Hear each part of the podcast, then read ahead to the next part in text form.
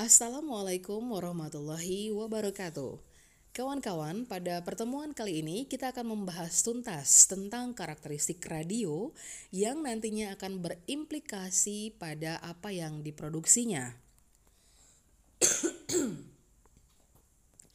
Sesuai dengan kaidah-kaidah siaran di medium audio, radio punya karakter yang tidak dapat dipisahkan dalam kehidupan manusia dan ia memberikan kontribusi yang besar sekali bagi perkembangan komunikasi massa. Karakteristik radio memberikan manfaat yang unik kalau ditinjau dari sisi kelebihan atau juga kekurangannya. Nah, dengan memahami kekuatan yang unik, baik ditinjau dari sisi kelebihan maupun kekurangannya, inilah yang kemudian dapat membuat praktisi radio mampu merencanakan konsep dalam implementasi untuk menghasilkan produksi siaran yang lebih efektif dan efisien. Kawan-kawan, karakteristik radio antara lain menarik imajinasi, mudah dibawa, tidak memerlukan kemampuan membaca atau juga menulis. Kemudian tidak memerlukan konsentrasi yang penuh dari seorang pendengar. Ia dapat didengarkan sambil mengerjakan aktivitas utama. Ia juga cukup murah, mudah digunakan, namun tetap saja radio juga punya keterbatasan. Keterbatasannya adalah bahwa ia hanyalah merupakan sebuah medium buta. Sekalipun radio menjadi medium buta, yaitu hanya melalui suara, maka suara merupakan sebuah instrumen yang paling penting yang perlu dikaji lebih mendalam. Para ahli psikologi sudah menyimpulkan bahwa memori ingatan berdasarkan aspek pendengaran pada manusia ternyata jauh lebih kuat dari ingatan yang didapat dari penglihatan atau indera penciuman. Respon manusia terhadap suara yang langsung masuk ke otak rata-rata sekitar 140 milidetik. Respon terhadap cahaya, kata-kata dan gambar adalah 180 milidetik. Kawan-kawan, radio adalah medium terbaik untuk imajinasi Halayak selalu mencoba untuk berimajinasi terhadap apa yang didengar dan apa yang dijelaskan. Emosi pada penyiaran radio tidak terbatas oleh ukuran sebuah layar. Ukuran mereka adalah menurut apa yang diinginkan. Radio bukanlah pesawat televisi yang disertai dengan gambar.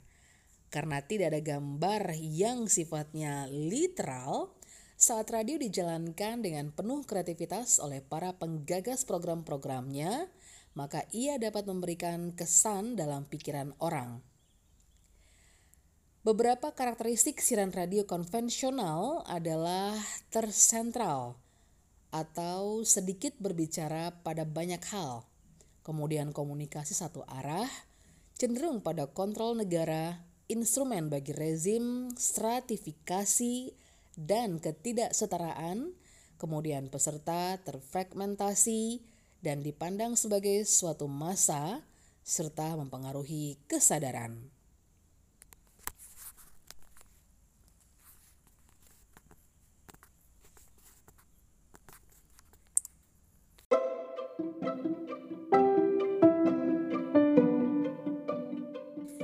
Kawan-kawan, sekarang kita masuk ke fungsi lembaga penyiaran radio. Penyelenggaraan penyiaran radio punya fungsi sosial yang sangat erat sekali kaitannya dengan kehidupan masyarakat. Jika ditelusuri perjalanan penyiaran radio yang didengar saat ini, itu adalah dampak dari sebuah proses perkembangan teknologi dan komunikasi yang panjang.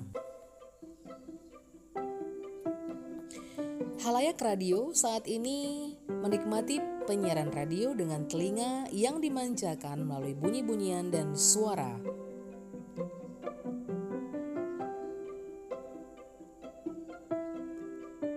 Halayak dapat memperoleh informasi yang datangnya melalui reporter atau penyiar lembaga penyiaran radio dan dampaknya dapat merubah kebiasaan sosial.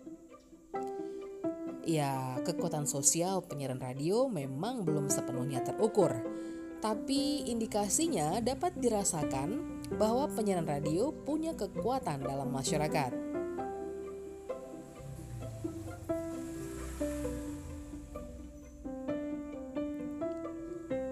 Dengan potensi pendengar yang menyebar di beberapa wilayah cakupan, penyiaran radio bisa dijadikan kekuatan utama media untuk menghubungkan kepentingan yang baik maupun kepentingan yang buruk bagi masyarakat. Acara-acara yang ditawarkan oleh penyiaran radio mencerminkan needs and want yang bernilai bagi masyarakat. Selama penyiaran radio terus-menerus menyiarkan program yang menjadi perhatian halayak, maka akan menimbulkan nilai dan hasrat bagi kepentingan masyarakat. Dalam hal ini artinya antara harapan halayak dan lembaga penyiaran radio ada kesesuaian.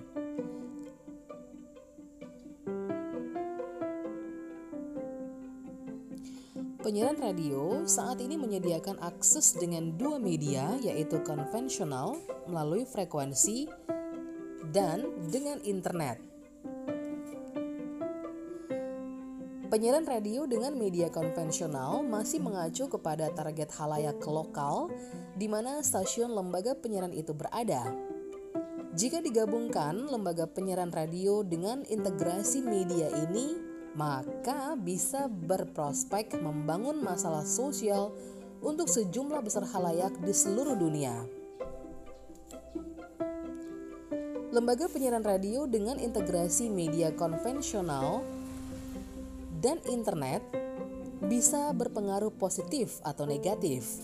Hal ini sangat tergantung dengan konten-konten program yang dibuat oleh lembaga penyiaran radio tersebut. Dalam dunia yang semakin saling berhubungan ini, ada potensi media penyiaran lokal dengan informasi sosial dan kehidupan sehari-hari. Hal ini dapat disebarkan dengan cara-cara global melalui media internet.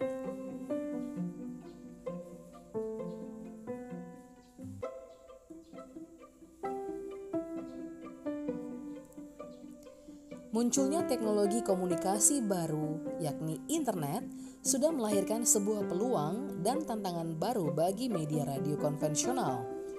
Kehadiran internet mulai berdampak pada perubahan pola sikap penyiaran radio, khususnya bagi penyelenggara penyiaran radio dan halayak radio.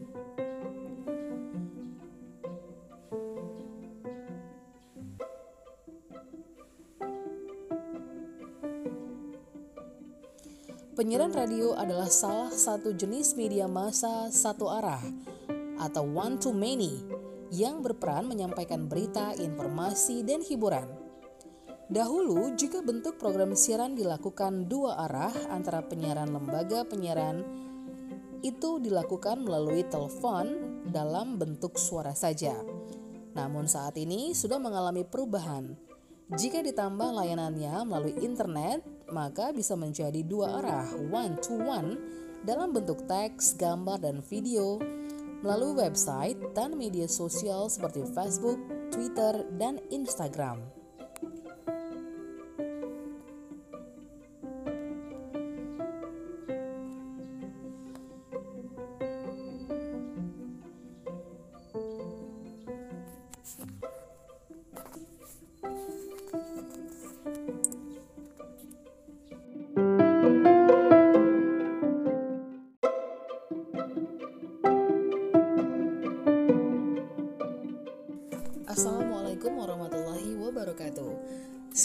Selamat datang di kelas produksi radio.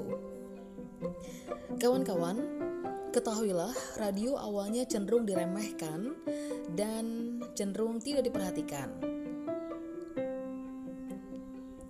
Awalnya, radio adalah sebagai penemuan yang hanya terpusat sebagai alat teknologi transmisi. Radio pada saat itu lebih banyak digunakan oleh militer dan pemerintahan untuk kebutuhan penyampaian informasi dan berita. radio lebih banyak dimanfaatkan oleh para penguasa untuk tujuan yang berkaitan dengan ideologi dan politik secara umum. Peran radio dalam menyampaikan pesan itu mulai diakui pada tahun 1900-an. Ketika informasi yang dikirimkan melalui radio berhasil menyelamatkan seluruh penumpang kapal laut yang mengalami kecelakaan dan tenggelam radio menjadi medium yang teruji dalam menyampaikan informasi yang cepat dan akurat, sehingga kemudian semua orang mulai melirik radio. Radio pertama kali diciptakan punya bentuk yang besar dan tidak menarik serta sulit digunakan karena menggunakan tenaga listrik dari baterai yang berukuran besar. Ini adalah pesawat radio pertama sehingga menggunakan pesawat radio pada masa itu membutuhkan kesabaran dan pengetahuan elektronik yang memadai. Pada tahun 1926, perusahaan manufaktur radio berhasil memperbaiki kualitas produknya. Pesawat radio sudah menggunakan tenaga listrik yang ada di rumah sehingga lebih praktis. Pesawat radio tersebut menggunakan dua knop untuk mencari sinyal, antena, dan penampilannya yang lebih baik menyerupai peralatan furniture. Nah, pada tahun 1925 sampai dengan tahun 1930 ada sebanyak 17 juta pesawat radio terjual kepada masyarakat dan dimulailah era radio menjadi media massa. Stasiun radio pertama muncul ketika seorang ahli teknik bernama Frank Conrad di Pittsburgh, Amerika Serikat pada tahun 1920 secara tidak sengaja membangun sebuah pemancar radio di garasi rumahnya. Conrad menyiarkan lagu-lagu, kemudian mengumumkan hasil pertandingan olahraga dan menyiarkan instrumen musik yang dimainkan putranya sendiri. Dalam waktu singkat, Conrad berhasil mendapatkan banyak pendengar seiring dengan meningkatnya penjualan pesawat radio ketika itu. Stasiun radio yang dibangun Conrad kemudian diberi nama KDKA. Ini menjadikannya sebagai stasiun radio tertua di Amerika dan mungkin juga di dunia.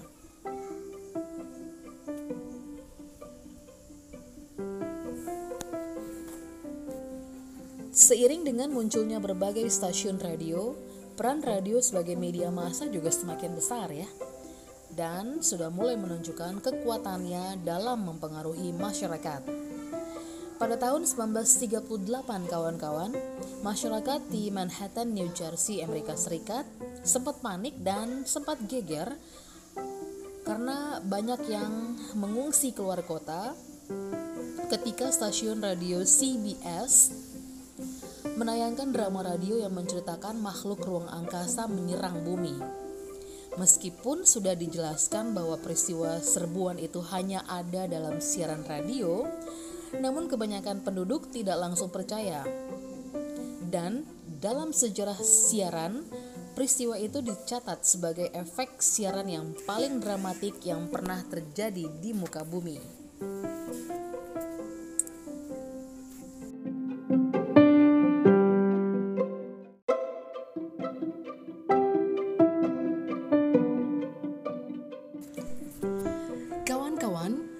stasiun penyiaran radio ada beberapa format, misalnya radio anak-anak, radio remaja, radio anak muda, radio dewasa, dan radio tua. Berdasarkan profesi, ada perilaku atau gaya hidup, ada radio berformat profesional, intelektual, petani, buruh, mahasiswa, nelayan, dan banyak lagi yang lainnya. Format stasiun penyiaran radio ketika diterjemahkan dalam kegiatan siaran harus tampil dalam empat wilayah. Yang pertama adalah kepribadian atau personality penyiar dan reporter. Yang kedua, pilihan musik dan lagu. Yang ketiga, pilihan musik dan gaya bertutur atau talk. Dan yang terakhir atau yang keempat, spot atau kemasan iklan, jingle, dan bentuk-bentuk promosi acara radio lainnya. Dalam sejarah perkembangan radio, sebenarnya ada lebih dari 100 format siaran dan sedikitnya 10 format siaran yang sangat populer, tertua, dan kemudian melahirkan turunan atau derivasi format siaran selanjutnya. Peringkat format ini saling berfluktuasi seiring semakin maraknya bisnis penyiaran radio. Ada empat format siaran utama yang populer di dunia. Yang pertama adalah Adult Contemporary atau AC Adult contemporary adalah untuk kaum muda dan dewasa dengan rentang umur sangat luas antara 25 sampai dengan 50 tahun. Orang-orang tersebut berdaya beli tinggi. Radionya menyiarkan musik pop masa kini, soft rock, dan balada. Radio juga menyiarkan berita olahraga, ekonomi, politik, dan format adult contemporary Berkembang pula ke dalam format lain seperti Middle of the Road, album Oriental Rock, dan Easy Listening. Yang kedua, Contemporary Hits Radio atau CHR atau Top 40 Radio. Radio dengan format seperti ini adalah diperuntukkan bagi ABG dan muda belia berumur antara 12 sampai 20 tahun format paling populer yang berisi lagu-lagu top 40 atau top 30 dan tips praktis. Sebelum menjadi CHR, awalnya disebut Top 40 Radio. CHR merupakan radio yang sering memutar 30 rekaman terkini. Lagu-lagunya bukan lagu-lagu dari album-album lama. Radio dengan format ini juga tidak memutar ulang sebuah lagu yang sama secara berdekatan, dan perpindahan antar lagu sangat cepat. Berikutnya adalah All News atau All Talks. All Talks lebih dahulu hadir pada tahun 1960 di Los Angeles dengan konsep siaran talk show interaktif yang mengupas isu-isu lokal. All News hadir kemudian pada tahun 1964 dimotori oleh Gordon McClendon di Chicago dengan konsep berita buletin 20 menit berisi berita lokal, regional, dan dunia. Sasaran radio ini kaum muda dan dewasa yang berumur 25 sampai dengan 50 tahun yang memiliki daya beli tinggi. Kemudian isi siarannya adalah berita dan bincang ekonomi politik dan ini menjadi sangat populer atau menjadi primadona.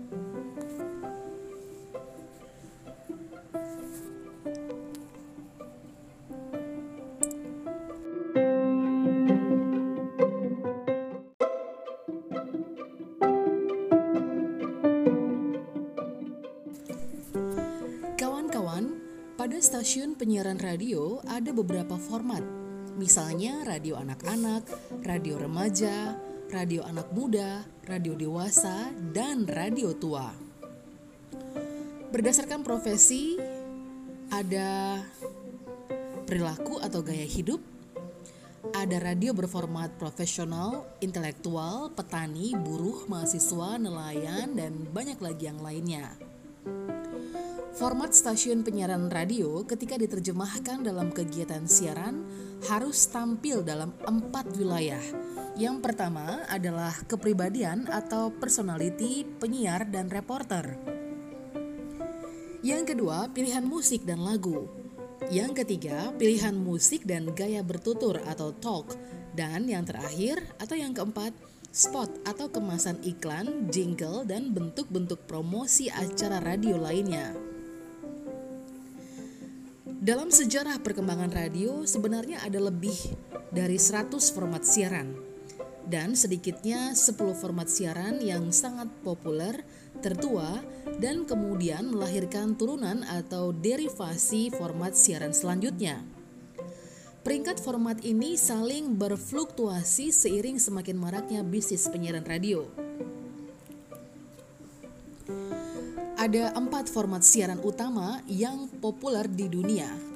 Yang pertama adalah Adult Contemporary atau AC. Adult Contemporary adalah untuk kaum muda dan dewasa dengan rentang umur sangat luas antara 25 sampai dengan 50 tahun. Orang-orang tersebut berdaya beli tinggi. Radionya menyiarkan musik pop masa kini, soft rock, dan balada.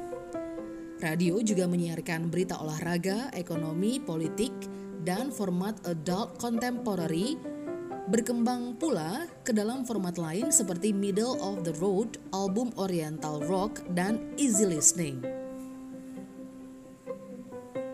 Yang kedua, Contemporary Hits Radio atau CHR atau Top 40 Radio. Radio dengan format seperti ini adalah diperuntukkan bagi ABG dan muda belia berumur antara 12 sampai 20 tahun. Format paling populer yang berisi lagu-lagu top 40 atau top 30 dan tips praktis.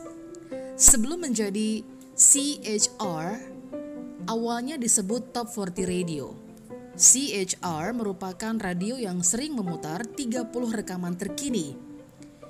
Lagu-lagunya bukan lagu-lagu dari album-album lama, Radio dengan format ini juga tidak memutar ulang sebuah lagu yang sama secara berdekatan, dan perpindahan antar lagu sangat cepat. Berikutnya adalah All News atau All Talks.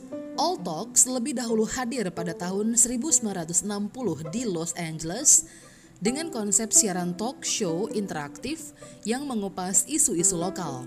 All News hadir kemudian pada tahun 1964 dimotori oleh Gordon McLendon di Chicago dengan konsep berita buletin 20 menit berisi berita lokal, regional, dan dunia.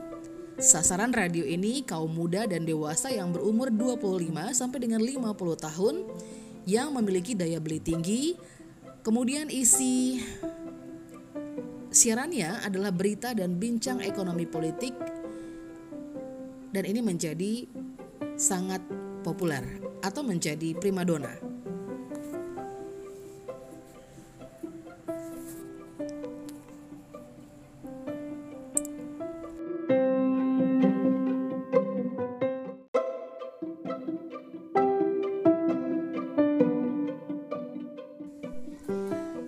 Kawan-kawan, dari materi sejarah singkat radio yang telah saya bagikan, maka dapat diketahui bahwa ada dua istilah penting yang harus kita ketahui.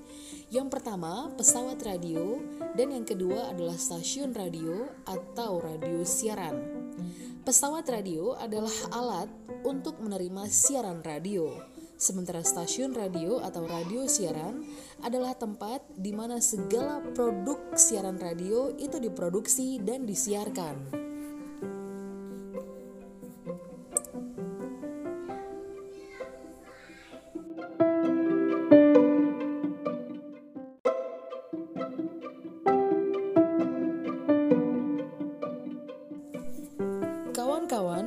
Pada pertengahan tahun 1930-an, Edwin Howard Armstrong berhasil menemukan radio yang menggunakan frekuensi modulasi atau FM.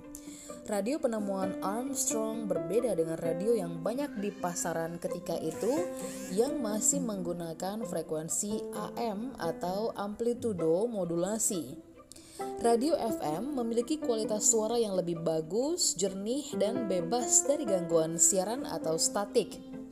Armstrong kemudian mendemonstrasikan penemuannya itu kepada David Sarnoff, seorang pimpinan perusahaan Radio Corporation Amerika atau RCA yang merupakan perusahaan pembuat pesawat radio sistem AM agar dapat dikembangkan lebih lanjut. Namun RCA ternyata lebih tertarik untuk mengembangkan televisi. Nah, karena ditolak, Armstrong kemudian menjual hak atas temuannya itu kepada beberapa perusahaan lain. Sarnoff yang menyadari kekeliruannya berusaha kembali mendekati Armstrong dan menawarkan satu juta dolar. Ya, ini adalah jumlah yang sangat besar ketika itu. Ini digunakan untuk membeli hak atas radio FM. Namun karena merasa kecewa, Armstrong menolaknya. Sayangnya, penemuan Armstrong itu belum sempat dikembangkan secara sempurna karena meletusnya Perang Dunia Kedua. Selain karena perang, pengembangan radio FM juga tertunda karena kalangan industri ketika itu lebih tertarik untuk mengembangkan televisi. Radio FM baru muncul di masyarakat pada awal tahun 1960-an seiring dengan dibukanya beberapa stasiun radio FM. Stasiun radio FM memanfaatkan keunggulan suara FM dengan memutar musik rock karena dinilai lebih cocok dengan frekuensi FM.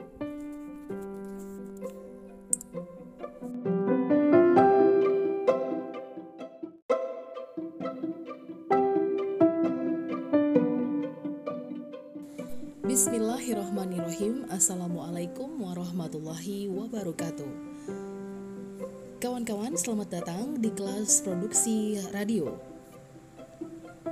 Kali ini kita akan membahas tentang program radio. Ketahuilah bahwa tingkat persaingan stasiun radio di kota-kota besar saat ini sangat tinggi dalam merebut perhatian audiens. Program radio harus dikemas sedemikian rupa agar menarik perhatian dan dapat diikuti sebanyak mungkin orang. Jumlah stasiun radio yang semakin banyak mengharuskan pengelola stasiun untuk semakin jeli membidik audiensnya. Setiap produksi program harus mengacu pada kebutuhan audiens yang menjadi target stasiun radio. Hal ini pada akhirnya menentukan format stasiun penyiaran yang harus dipilih.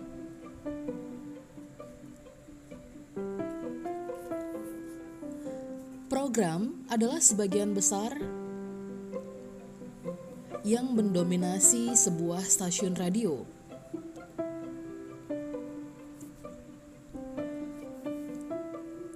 Program sebagian besar stasiun radio dinominasi oleh satu elemen isi atau suara yang utama yang dikenal dengan format. Dengan kata lain, dapat dikatakan bahwa format adalah penyajian program dan musik yang memiliki ciri-ciri tertentu oleh stasiun radio. Secara lebih sederhana, dapat dikatakan bahwa format stasiun penyiaran atau format siaran radio dapat didefinisikan sebagai upaya pengelola stasiun radio untuk memproduksi program siaran yang dapat memenuhi kebutuhan audiensnya.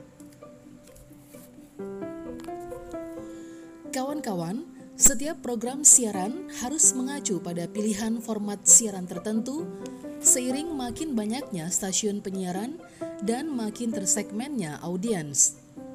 Format siaran diwujudkan dalam bentuk prinsip-prinsip dasar tentang apa, untuk siapa, dan bagaimana proses pengelolaan suatu siaran hingga dapat diterima audiens. Ruang lingkup format siaran tidak hanya menentukan bagaimana mengelola program siaran atau programming, tetapi juga bagaimana memasarkan program itu atau marketing.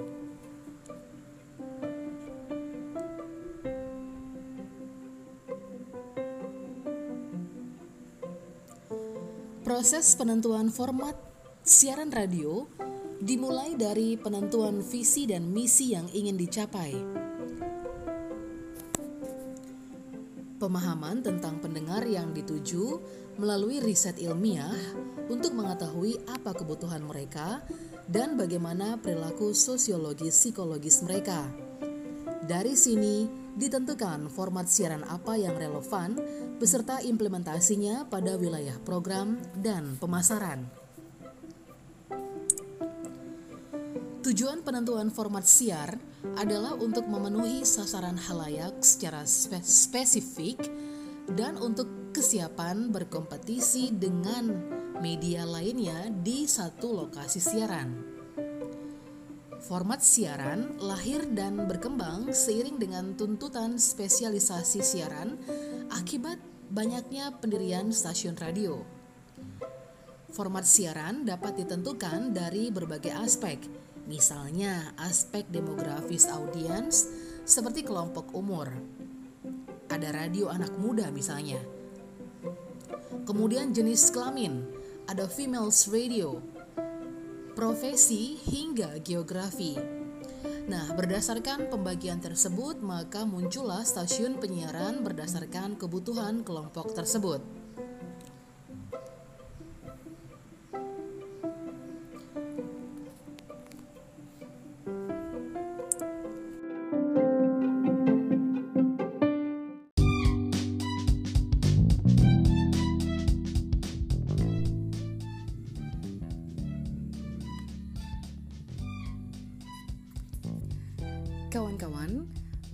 Akan saya contohkan cara membawakan naskah atau skrip siaran pada saat on air di radio.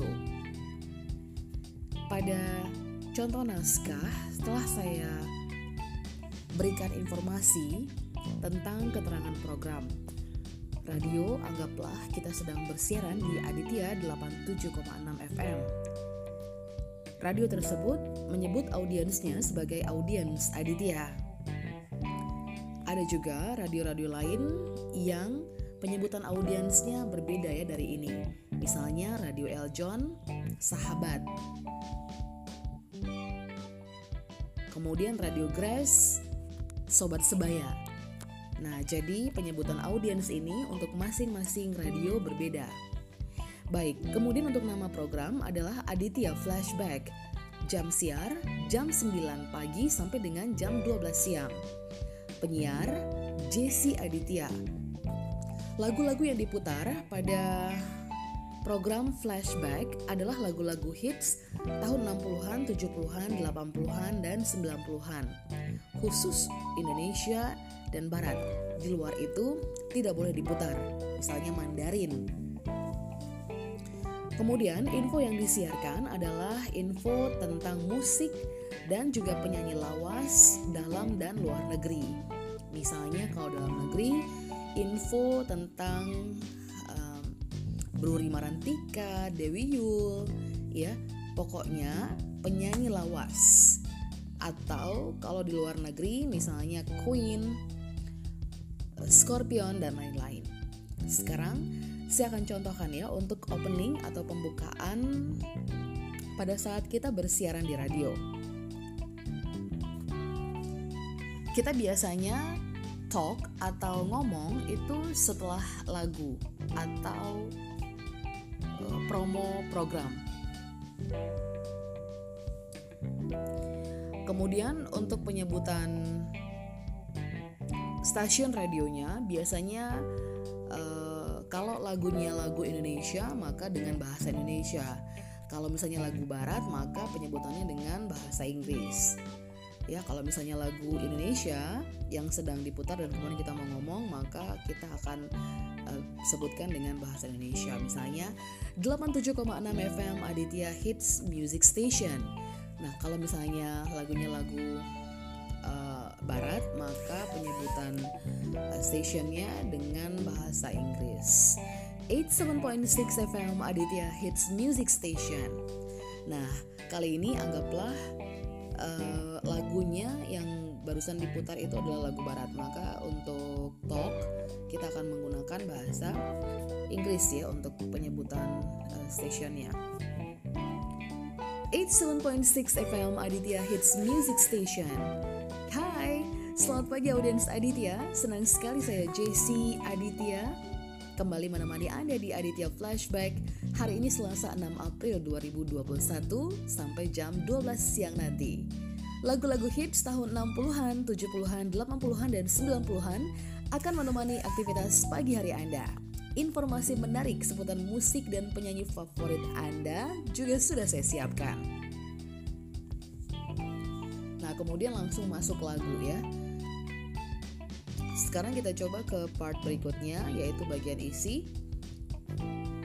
87.6 FM Aditya Hits Music Station. Audiens Aditya, Alexis Tsipras, penyanyi legendaris era 80-an, saat ini menjadi politikus Yunani. Ia memimpin pemerintahan Yunani setelah menang dalam pemilu dengan menguasai 145 dari 300 kursi parlemen. Wow. Nah, dalam pidato kemenangannya, ia menjanjikan sebuah fase baru stabilitas di Yunani jadi uh, singkat saja ya, singkat, padat, dan kemudian langsung pada inti uh, informasi yang kita mau sampaikan. Jangan berbelit-belit. Kemudian kita masuk ke part berikutnya, part terakhir, closing. Ini anggap saja kita uh, apa namanya sudah mewakili keseluruhan uh, program tersebut ya dengan hanya menyajikan tiga part dalam naskah atau skrip. Ini hanya representasi saja. Biasanya untuk siaran 3 jam tuh kita minimal uh, talk itu sampai 18 kali jadi satu jam itu bisa 3 sampai 4 kali talk sekarang kita ke bagian closing atau penutup anggaplah lagu yang telah diputar itu lagu Indonesia sekarang ya 87,6 FM Aditya Hits Music Station Audiens Aditya sudah hampir jam 12 siang. Saya harus undur diri ya dari Aditya Flashback hari ini. Hari ini Selasa 6 April 2021. Setelah ini jangan ke mana-mana, rekan saya Lintang Aditya akan menemani Anda di Aditya On The Road. Terima kasih ya atas kebersamaan Anda. Sampai jumpa. Selamat melanjutkan aktivitas. Salam Aditya untuk Anda.